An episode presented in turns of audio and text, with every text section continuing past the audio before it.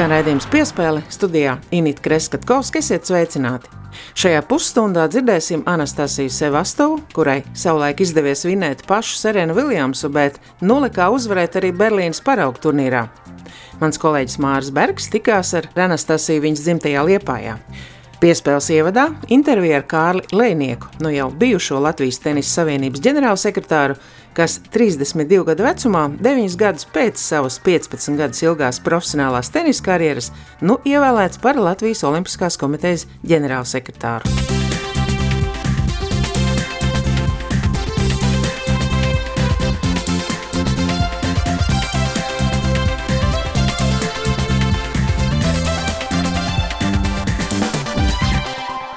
Šodien redzējumā piespēle mums ir tenisa temats un uh, saruna ar, nu jau jāsaka, Latvijas Olimpiskās komitejas ģenerālsekretāru un bijušo tenisa savienības ģenerālsekretāru Kārli Lēnieku. Labdien, Kārli! Sveiki! Uh, nu, vispirms apsveic ar jauno amatu un viens no tiem izdarītajiem darbiem, kas ir pierādījies strādājot tenisa savienībā, noteikti ir devis arī tādu avansu jau uzaicinot uz Olimpisko komiteju, vai pašam arī tā šķiet? Avans ir uh, nācis no federācijām, kas par mani nobalsoja, par kuru es esmu ļoti priecīgs, bet, kā jau jūs minējāt, tas ir avans un tas ir uzticības kredīts, kas uh, četru gadu laikā ir jādod apakaļ ar darbiem. Jums arī ir tā, manuprāt, labā īpašība spēt kontaktēties ne tikai ar mēdījiem, bet arī ar ar izlases līderiem, kas tenisā, man liekas, arī ir tāda īpaša prakse un, un, un spējām jābūt eh, to starp ar Ernestu Gulbu, lai izdotos atkal viņu dabūt atpakaļ, un arī abas vadošās tenisistes šajā laikā piedzīvots gan vinēta Serena Viljamsa, gan French Open Aļonai. Ja? Šīs ir tās prakses, arī sadarbības ar, ar sponsoriem. Vai tas ir tas, ko jūs tagad varētu arī Olimpiskajā komitejā ņemt līdzi tās nu, labākās? Nu, man tā liekas, tā ir viena no manām stiprajām pusēm, un tā bija arī noteikti sadaļa no mūsu programmas. Tas, kad mēs ja es esmu spējis kontaktēties ar uh, dažādiem cilvēkiem, šeit man tas ir jāpārnes pilnīgi jaunā līmenī. Šeit mēs runāsim ar dažādām sporta federācijām, kā man ir izdevies rast kompromisus attiecībā ar, uz mūsu sportistiem, tenisistiem. Tā es gribu rast kompromisus ne tikai ar federāciju vadītājiem, bet arī jau konkrētāk uh, kontaktēties ar mūsu top atlētiem, lai mums uh, rodas šī komandas sajūta, par ko mēs runājam, ka mēs nākam kā komanda, mēs prezentējam programmu ar 27 punktiem, bet milzīga sadaļa ir komunikācija ar federāciju vadītājiem un tā skaitā sportistiem un tā skaitā arī treneriem. Diezgan jaunos gados jau jums uzticēja arī šī federācijas ģenerālsekretāra amatu. Vai tas, ka savulaik eh, esat spēlējis eh, tieši jaunos gados kopā ar Ernestu Gūbi, gan viņa tēvs SVH vadībā, gan jūs tēvs ACB vadībā, un tenisā tas ir, nu, pilnīgi likumsakarība, ka vecāku finansējums dod to pašu pirmo ieguldījumu. Un, Un arī esat stāstījis, nu, ka no tiem 500 uh, bērniem, kas atnāca uz to treniņu, jūs vienīgais izdzīvojāt. Jā, tas iespējams ir garāks stāsts, bet es domāju, ka uh, noteikti sports, tenis kā tāds ir man palīdzējis veidoties kā personībai. Protams, lai spēlētu tenisu, tajā laikā bija nepieciešams finansējums, par ko ir liels paldies vecākiem, bet es domāju, ka mani kā personība ir veidojis šis sports. Es pietiekami ātri sapratu, ka nu, bija dažādi apstākļi, kāpēc es beidzu to karjeru, bet attiecīgi pēc tam jau nu, es esmu mācījies, veidojies, un es esmu bijis priecīgs būt palikt sportā. Attiecīgi šis sports ir man veidojis, un tāpēc arī es esmu vēl joprojām sportā, nu, nosīt tagad tā kā jaunā līmenī. Jūs esat nebūt nevienīgais bijis Dēvis komandas kapteinis, bet tieši jūsu laikā izdevās atkal atgriezties tādā pozitīvā dialogā ar Ernestu Gūbi, ar izlases līderi, tad arī ģenerālsekretāra amatā esot gan piedzīvojām to, ka Aļona Stapenko izcīnīja French Open, gan Anastasija Sevastova vinnēja pašu Serenu Viljamsu, un, nu, jau arī kā pieminētais Berlīnas turnīrs dotībām prast sarunāties ir milzīga loma, plus vēl tam ķērienam dabūt tos sponsorus. Protams, tā ir loma, un tas ir tāds ir patīkami, kad izdodas. Bet es domāju, ka šeit bija tāds vienkāršs komunikācijas jautājums un, un iz, izvirzītie mērķi un vēlme sasniegt rezultātu. Jo mēs visi esam sportisti. Mums ir svarīgs rezultāts, un attiecīgi runājot gan ar Ernestu, gan ar Aļonu, gan ar Anastasiju, šobrīd runāju izlases kontekstā, jo viņu personiskie sasniegumi ir viņu personiskie sasniegumi, kas uz mums ir kā federācija attiecās, bija tas, ka uh, mēs spējam viņus motivēt un viņi redz kopējo bildi. Pirmkārt, kā mēs uh, gribējām attīstīt tenisu, un otrkārt, kādus rezultātus mēs gribējām sasniegt kā izlase. Šie rezultāti vēlme bija tas galvenais, kāpēc arī nosacīt spēlētāji atsaucās. Nu, teiksim tā, ar savu veidu vīziju viņus spējām pārliecināt, ka tas ir, ir vajadzīgs ne tikai uh, Eh, tenisam, bet es domāju arī sportam Latvijā, ka viņi pārstāv Latvijas izlasi. Tā kā, nu, es domāju, ka viņi to parādīja, un es ceru, ka viņi arī nākotnē to, to turpinās darīt. Manuprāt, eh, ļoti pozitīvi ir arī tas, ka šis tenis turnīrs pagājušajā gadā Jūrmalā tika atvests. Pirms tam arī daudz darba tika ieguldīts, lai atjaunotu šo lielups eh, tenis kortus. Tagad Liepājā arī Anastasijas vai vārdā nosauktais, vai viņas, nu, tas varbūt arī nav tik būtiski. Vai jūs redzat arī, ka nāk tā atgriezniskā saite, ka tie mazie vairāk grib nākt nodarboties, jo, nu, pirms vairākiem gadiem es atceros pie Juškām, man, manuprāt, brauc, un tad tur bija problēmas, vai viņiem saglabājas tā sporta skola vai nesaglabājas arī tas, ka laikam tās specializētās tenisa skolas maz tik daudz Latvijā nav. nav. Kā bijušam tenisistam ir sava vīzija, kā tieši šo piramīdas principu saglabāt, Jūs pie Breznika abi esat trenējušies, un arī tā attīstības vīzija laikam tiem bērniem ir, ka sasniedzot kaut kādus 11 gadus, viņi dodas uz tām starptautiskajām akadēmijām, ja?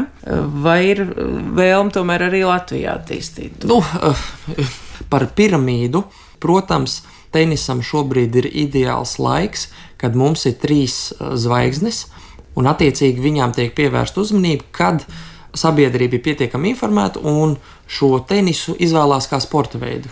Tā ir viena lieta. Uh, jo, ja nebūtu rezultātu, par tenisu runāt daudz mazāk. Tā kā mums ir uh, tenisistiem ir rezultāti un attiecīgi arī Latvijas izlases starts pret Ameriku Amerikā vai, vai 2019.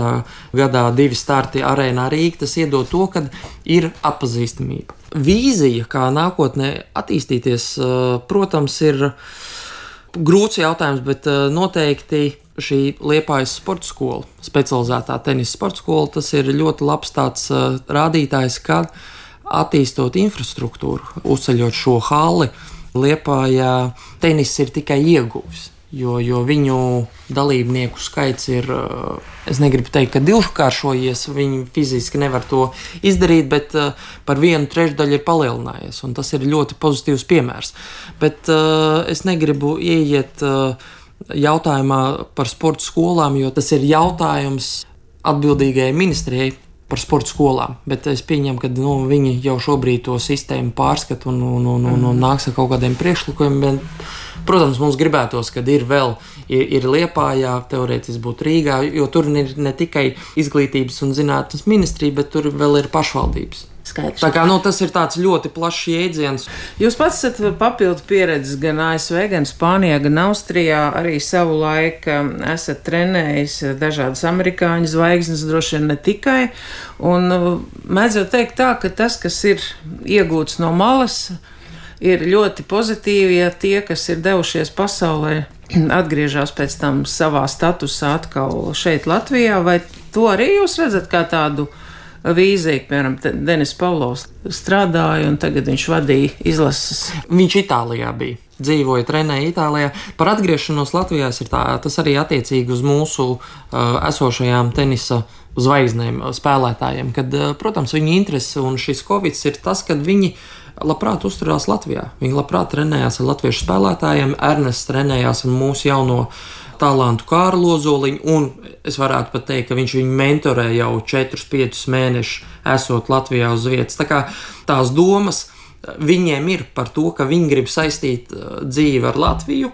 Un, un iespējams arī attīstīt to, ko jūs pirms tam jautājāt par vietu, kur var trenēties, un ka tā vieta var būt Latvijā. Un nav obligāti jābrauc 13, 14, 15 gadu vecumā kaut kur prom uz ārpus trenēties. Iespējams, to ar laiku, ar viņu vārdiem. Mēs varēsim darīt šeit uz vietas, un cilvēki jau brauks pie viņiem trenēties Latvijā. Mm. Vai es pareizi sapratu, ka jūs esat pavisam no tenisa prom, vai jūs esat uh, de jūri no tenisa prom, jo esat citā amatā? Ar sirdi droši vien paliekat tenisā. Nē, nu, jā, nu, protams, es vienmēr sirdī būšu tenisists. Es iespējams arī cilvēkiem visiem asociēšos ar to, ka es esmu no tenisa.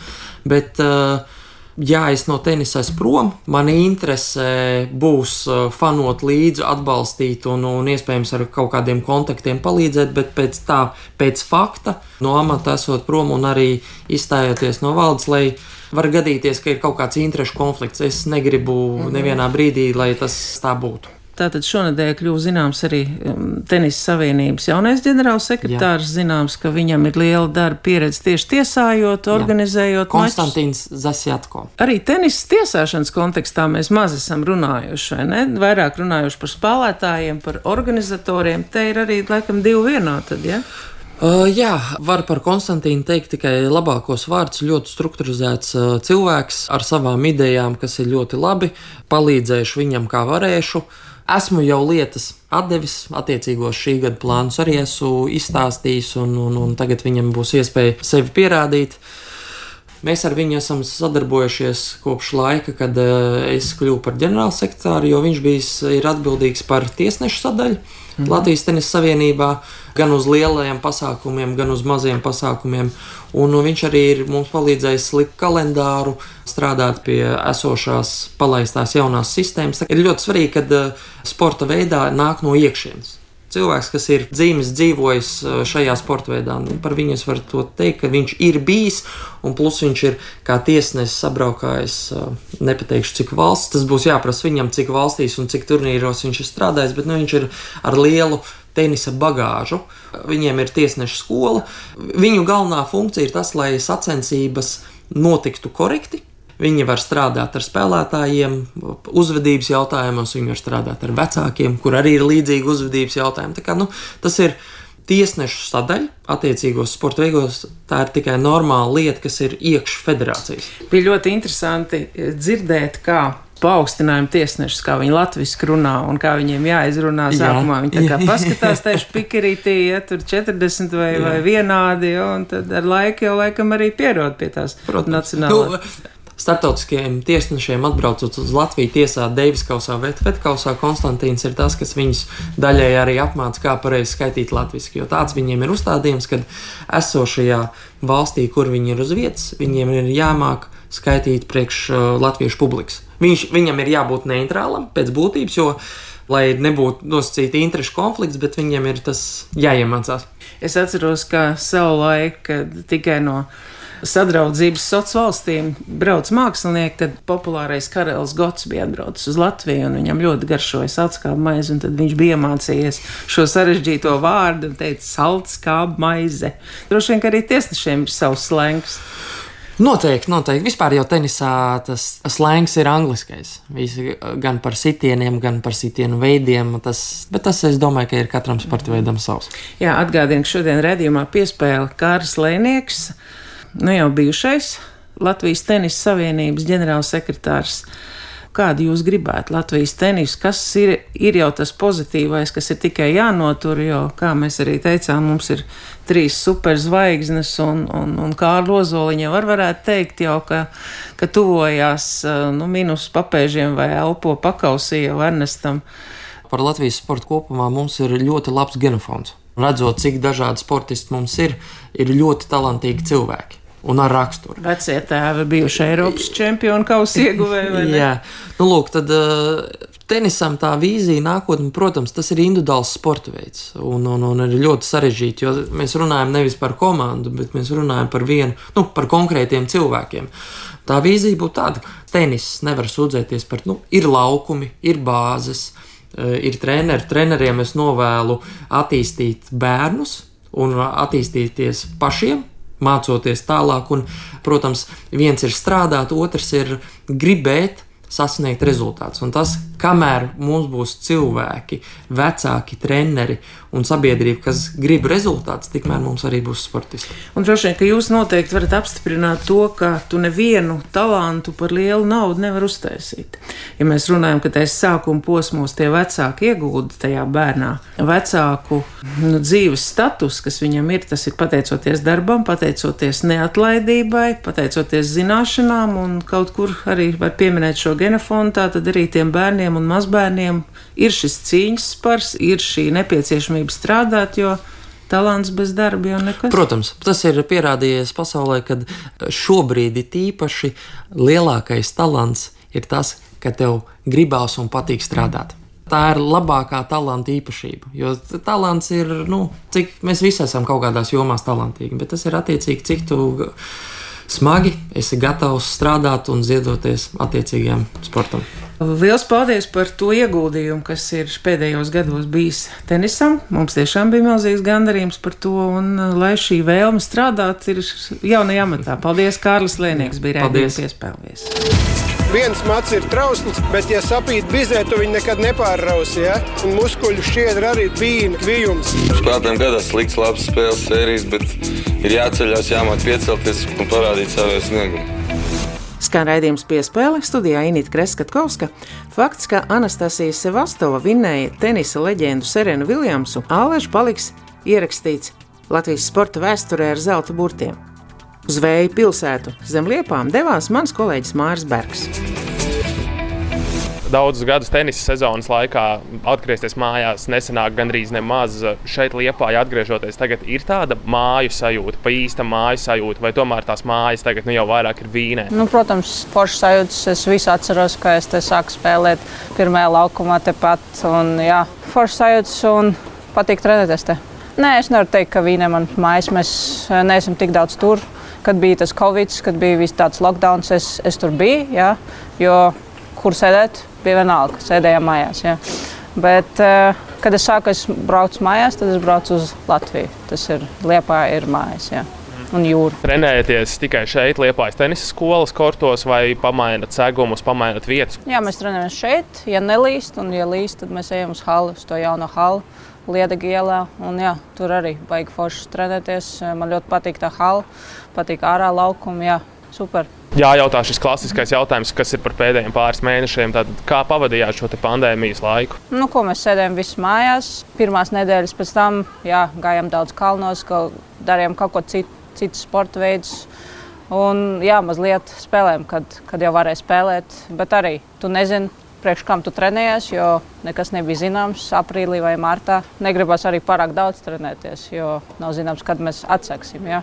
Tāpēc uh, mēģinājām kaut ko citu darīt, kaut kādus citus sporta veidus. Un, jā, un nebija jau viegli vispār iziet ārā, ja? tas bija arī viss bija ciet. Ja. Kādus sporta veidus izmēģinājāt šajā pauzes laikā, kad nu, ir tāda iespēja tagad to darīt? Hiking, kas bija daudz nu, kalnos, mēs gājām uz, uz kalniem, uh, rollerblades Dažreiz nokrit, ar riteņiem braucām, skrienam, kaut ko tādu, jā, ko varēja darīt. Jo cits bija viss ciet. Jā. Ņemot vērā šo pauzi, cik ilgi sanāca pavadīt bez treniņiem un bez spēlēm? Ja es biju Indijā un Velsē, mēs tur trenējāmies, un tad teica, ka turnīrs ir atcelts. Tad mēs lidojām mājās. Un, jā, cik es tur nespēlēju, droši vien 3-4 nedēļas es neesmu spēlējis. Un, un tad sāku pamazām kaut ko. Nu, trenēt, jā, bet arī vienreiz dienā un arī ne katru dienu. Šajā pauzes laikā paspējāt noilgoties pēc tenisa? Es domāju, ka jā, bet tagad es, es esmu noilgos pēc turnīriem. Jā. Tagad mēs diezgan daudz jau trenējamies, cik tur bija maijs, jūnijas, tagad ir jūlijas. Jā. Un tagad gribas jau spēlēt turnīrus, mačus.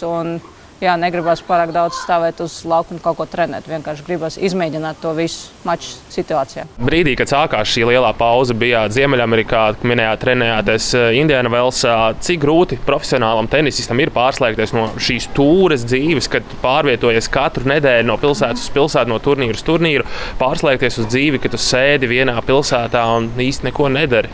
Ir grūti. Tu jau gatavojies kaut kur braukt nedēļas galā vai nedēļas sākumā.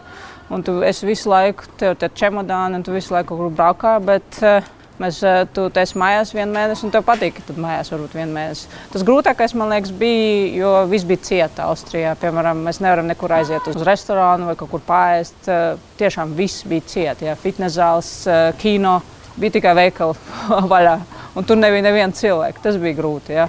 Kaut kur varbūt kaut ko citu taisīt, ja? nevis sēdēt vienkārši mājās visu laiku. Tas ir, man liekas, grūti sportistam. Iepriekš minējāt, ka ļoti gribas spēlēt jau turnīros, bet kas ir tas, kas no šīs profesionālā tenisista dzīves šobrīd iztrūkst visvairāk, kā pietrūkst un ko atkal gribās? Jā, tas uh, turnīrs, mačs sajūts uh, dienu pirms mača, dienu pēc mača. Uh, vinētie mači, zaudētie mači, redzēt visus spēlētājus. Arī kaut kā tas viss process, kas ir. Ja tu brauc uz to turnīru, tu lido uz to pilsētu, tu trenējies tur un, un tad nākamā nedēļa sākās viss no jauna. Ja? Un tas process, mēs jau esam tā kā hamster in a wheel. Un tagad mēs esam hamster at home. Bet, nu, es domāju, ka kaut kāds sāksies. Tenis, protams, ir ļoti individuāls sporta veids. Katrs spēlētājs vairāk vai mazāk ir pats par sevi. Bet vai ir izdevies aprunāties ar citām spēlētājām, tūrē, WTA tūrē vai varbūt ar vīriem no ATP tūres? Protams, es runāju ar dažiem no ATP, jo Austrijā es trenēju tur, kur trenējas tīms. Visi Austrijas nu, spēlētāji, vīrieši. Mums katru nedēļu ir VTA mītīņa online. Jā, tur arī var dzirdēt, ko spēlētāji nu, domā par šo visu. Un ar Leonis trenējas un mēs arī mazliet runājam par to visu. Dzīvē jāturpinās, tas ir mans viedoklis. Kaut kā, protams, ar tiem visiem social distancing un to vajag kaut ko sākt. Jā. Bet arī grūti tagad pateikt, jo dažas meitenes no turas vispār nevar ceļot. Jo tas uh, borders, nu, viņi, viņi ir cieti, ja? nevar kaut kur aizbraukt. Ja? Protams, tas, mēs nevaram visiem kaut ko labu uztaisīt kādam kaut kas nepatiks. Tas ir normāli, tas ir kā politikā. Jā. Kā un kad nolēmāt, ka ir jābrauc mājās trenēties? Kāpēc nepalikāt trenēties Austrijā? Kad es varēju lidot no, no Vīnas uz Rīgu, tad es arī izdomāju, ka es lidošu. Un kad vairāk nebija tā 14 dienu karantēna. Jo tas bija līdz jūnijam, man liekas, līdz jūnijam vidum, kad ja tu lido no Austrijas, tev vajag sēdēt 14 dienas karantēnā te. Un to es tiešām negribēju darīt. Es taisīju visu, lai nu, visu to social distancing un to.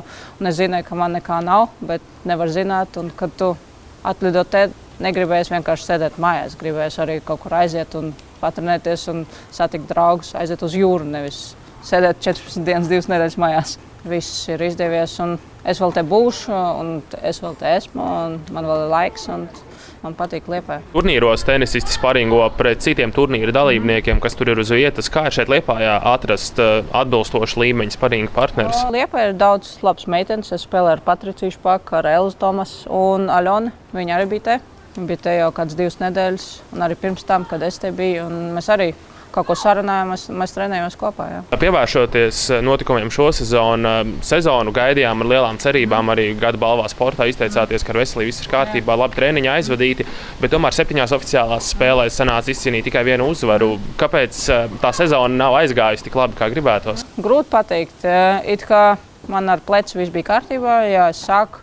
Es īsti labi notrenējos pirms sezonas. Es biju, biju labā formā arī Austrālijā. Jā un, un treniņos ļoti labi spēlēja, bet kaut kā nesenāca mačos. Un kad vienkārši tu zaudē divus vai trīs mačus, tev nav tāds konfidents, lai, lai iziet uz laukumu un pateikt, tā, tagad es tev es vinēšu to maču. Ja? Kaut kā, bet es vinēšu. Un mazliet kaut kur nepaveicās, paveicās citām. Un, tad vienkārši tā aiziet. Un tas ir tenis. Tas ir normāli. Tas var notikt jebkuram. Ja? to redzēt. Un, bet es minēju to vienu maču pret Cerēnu. Pēc pagājušā gada jūrmālas uzvaras mm. tie rezultāti tomēr gāja uz leju. Arī US Open gaidījām ar lielām cerībām. Jums tur ļoti labi Jā. gājis vēsturiski, bet uh, tur tie rezultāti nebija. Vai gada beigās par sevi lika manītās traumas, kuras nosaucāt jūrmālā, proti, gurns un mugura? Nē, es domāju, ka jā, tur bija, bija dažas problēmas. Man arī bija ar plecu problēmas, arī jūrmalā. Tu spēlē visu laiku, tev nav pauzes, ko tu gribi. Varbūt bija arī nepareizi lēmumi, kaut kur braukt, bet man vajadzēja spēlēt turnīrus. Es negribēju tur divus mēnešus vienkārši neko nedarīt. Tie bija mani lēmumi, un droši vien tāpēc arī šogad uh, zaudēju dažus mačus. Bet vienmēr, tu, tu zini, vienmēr labāk pēc tam. Jā. Vienmēr. Tātad par šo pauzi varam teikt, ka tā ir nākusi par labu, jo ir izdevies traumas apārstēt. Jā, tā ir nākusi par labu. Tagad es jūtos labi. Un tad jau redzēs, kas būs nākamgad. Iepriekšā minējāt spēli pret Serēnu Viljamsu, kur izdevās uzvarēt. Pastāstiet, kā atcerieties to spēli, to atmosfēru un nu, teiksim, arī to, kas jau notika iepriekš, Aļonas izcīnīto uzvaru pret Keninu. Pirms mača man nebija baigi foršais. Nu, es nejūtos baigi labi, jo es zaudēju pret Keninu dienu pirms. Sajūtas nebija foršas, es nespēlēju labu tenisu. Mums bija 0-2. It kā jā, bija bail, bija, nebija labas sajūtas iet uz maču, nebija labas sajūtas uz uh, warm-up. Bet uh, kaut kā es, es sev pateicu, jā, cīnīties līdz galam un vienkārši uh, spēlē, ko, ko var ja, uz tajā dienā. Un uh, kaut kādā aizgāja. Mēs visu laiku sakām, breakot vienu vien otru. Tas bija kaut kā strange. Un, un, man liekas, publika arī palīdzēja, tā visa atmosfēra palīdzēja, visi, kas sēdēja Latvijas tribīnē, latvieši palīdzēja. Un vienkārši gribēja cīnīties līdz galam un kaut kādu vienu maču kaut vai vinēt vai nospēlēt klausu ar, ar sērēnu. Uzreiz pēc spēles pret sērēnu sakoja arī dubultspēle, ļoti maza pauze starpā tajā brīdī iestājās fizisks un arī emocionāls nogurums, kas neļāva pacīnīties? Es domāju, ka jā, mēs spēlējam gandrīz trīs stundas pēc 40 minūtēm aiziet un spēlēt dubultspēli nav viegli. Ja, ja būtu varbūt mazliet lielāka pauze, būtu vieglāk man. Un jā, mēs arī nezinājām, vai es spēlēšu vai kāds cits. Un it kā plānē bija, ka mēs ar Leonu spēlēsim, un jā, to mēs arī izdarījām. Varbūt nākamajos mačos, ja būs 2-2, būs izšķiroša dubultspēle, mums būs jauna taktika komandā. Jā kāds cits aizies. Ja, ir, kā, jo Amerikā aizgāja Meteks Sens, viņi neko nespēlēja, viņi ir dubultspēlētāji spēlētāji. Tāpēc viņam, protams, bija priekšrocība. Aprīlī bija paredzēts mačs pret Indijas komandu federācijas kausā. Ja nebūtu visas šīs situācijas ar vīrusu, vai apstākļi jums ļautu spēlēt, fiziskais stāvoklis, veselība, vai būtu gatava palīdzēt aprīlī? Es domāju, ka jā, bija jau runas par to, ka es spēlēšu, bet uh, mēs nevaram to zināt. Jā. Tas notika viss ar koronu, un tas būtu arī mājās, arēna Rīgā jā, mums ir labas iespējas vinēt pret Indiju. Es domāju, ka nākošais gads mēs to izdarīsim. Par amerikānietēm mēs visi zinām, un viņas nu, nekādus komentārus neprasa. Lielisks spēlētājs, viņas visas, bet ko mēs zinām par Indijas komandu? Kādas ir tur spēlētājas un kāda līmeņa spēlētājas viņas ir? Neko īsti mēs tā nezinām. Es zinu, ka tur ir saņemta mirza. Viņa spēlē tagad dubultspēli, viņai ir bērns, viņa atgriežas un spēlē dubultspēli atkal vēl vienu spēlētāju pazīstu. Es ar viņu spēlēju Indijā, tieši Indijā finālā. Viņai patīk ātrs segums, to es atceros. Viņa spēlē diezgan flēt. Viņa spēlētāja ap 200, man liekas, viņa stāv joprojām tur. Bet viņa ir labi, solīti spēlētāji. Jā, ar viņu vajag solīti nospēlēt. Raugoties jau uz priekšdienām, publicēts WTA provizoriskais kalendārs. Mm. Kāds varētu izskatīties jūsu provizoriskais kalendārs vismaz līdz US Open? Palermo, Prāga, US Open. It kā es, es gribu spēlēt Palermo, es gribu spēlēt Prāgā. Būs jāskatās, vai būs jūs opens vai nē. Un, ja viņi vēl domā par to, viņi, viņi grib viņu taisīt, organizēt, bet tagad atkal situācija Amerikā nav tik forša. Un, bet es sāku Palermo un Prāgā. Tas ir Eiropā, man liekas, to var lidot, kaut kur aizlidot. Un tu esi netālu no mājām. Tāpēc eh, es domāju, ka VTA ar saviem visiem, jo VTA ir eh, dažādas priekšlikumi, viņi to visu labi norganizēs, tā kā stabili. Jūs būtu gatavi personīgi sadzīvot ar visām šīm nērtībām, tādā ilgtermiņā, teiksim, korts viesnīca, testēšana, viens cilvēks no personāla tikai līdzi, vai tas jums nekādas problēmas nerada? Es diezgan daudz ceļoju tikai ar Roniju uz tiem visiem turnīriem. Tā man nav problēma. Par testēšanu jāskatās. Man liekas, to visu no sākuma jāizmēģina. Un es domāju, ka, ja mēs to izmēģināsim Palermo un Prāgu, tad var jau redzēt, vai tas ir iespējams tos, to visu turnīru izturēt, un ka tas turnīram arī pa labu ir vai nav. Ja? to vajag visu izmēģināt un vienkārši jāskatās, vai tas ir kā, tas social distancing, vai tas ir vispār safe ja, visiem. Tas dod papildus motivāciju šī Tokijas Olimpiskās spēles, vai tomēr Olimpiskās spēles jums nav vairs tik svarīgas karjerā, vai tomēr ļoti gribās tur aizbraukt? Nē, protams, gribās tur aizbraukt. Tas bija arī mans plāns šogad tur aizbraukt. Ja. Tas ir, jā, es gribu aizbraukt uz. Es nekad neesmu bijis Olimpiskajās spēlēs, tāpēc es gribēju vienmēr tur aizbraukt. Un tagad man liekas, ir labāk, ka Viņas ir pārceltas uz nākamo gadu. Un, protams, tas ir kā kaut kāds mērķis.